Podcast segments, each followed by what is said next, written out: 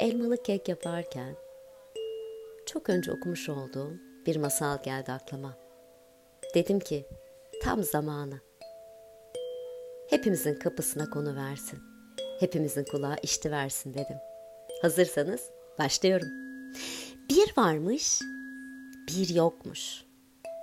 Evvel zaman içinde, kalbur zaman içinde, İd adığında bir güzellik yarışması düzenlenecekmiş. Bu öyle böyle bir güzellik yarışması değilmiş.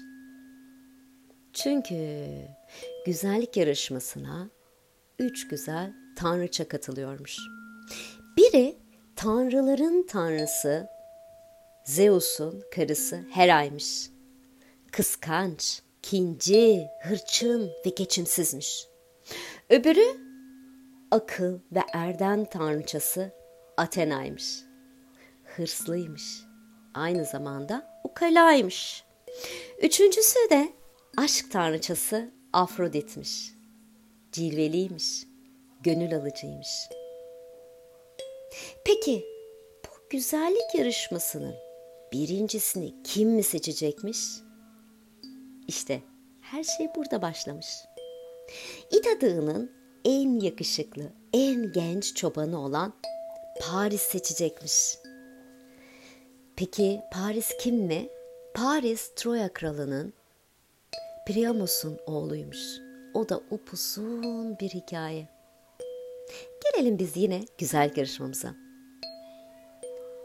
Peki bu güzel yarışması gerçekten nasıl ortaya çıkmış?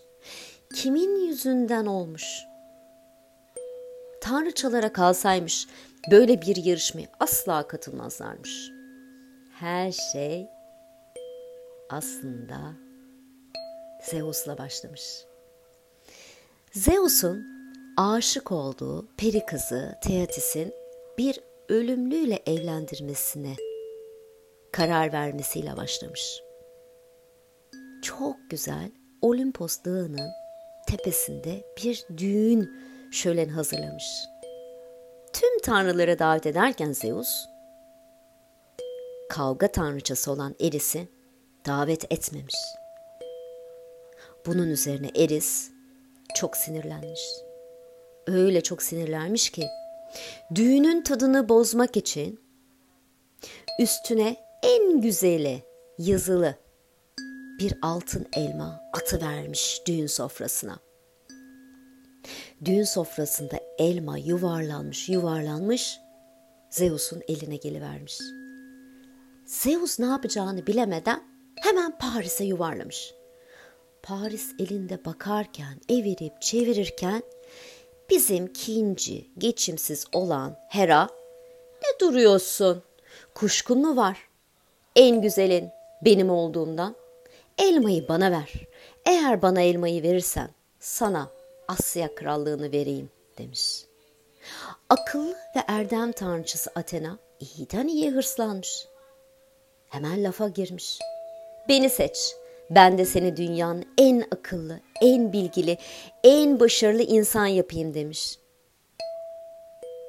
Tüm bu tanrıçalar konuşurken Paris'in gözü Afrodit'teymiş. Ayıramıyormuş gözünü. Öyle güzelmiş ki Doğu Akdeniz'in derin maviliğinden, bembeyaz köpüğünden doğan, sedef gibi tenine düşen up uzun ipek saçlarına bakıyormuş. Bir anda Afrodit'le göz göze gelmişler.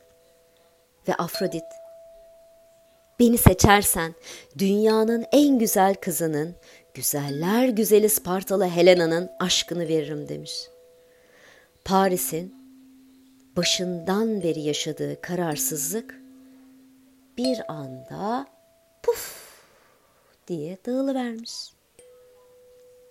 Ve elmayı Afrodit'e uzatırken elma senin hakkın tanrıçam. En güzeli sensin. Duygularınla, düşüncelerinle, davranışlarınla da en güzeli sensin. Böylece yarışmanın kazanı, kazananı belli olmuş. Afrodit'miş. Bu duruma Hera ve Athena ne mi yapmışlar? Çok öfkelenmişler, çok kinlenmişler. Ondan sonra Paris'i her defasında rahatsız etmişler, tuzaklar kurmuşlar. Ama bunlardan kurtulmasını sağlayan Afrodit olmuş her seferinde. Peki en büyük aşkı olacak olan Helena ile ne olmuş mu? Gerçekten güzel bir aşk başlamış ikisinde de. Sonrası mı? Sonrası tamamen size kalmış. Hiç bilmeden istediğiniz gibi bir sonla bence bitirelim. Bitirdiğinizde de paylaşmayı unutmayın benimle.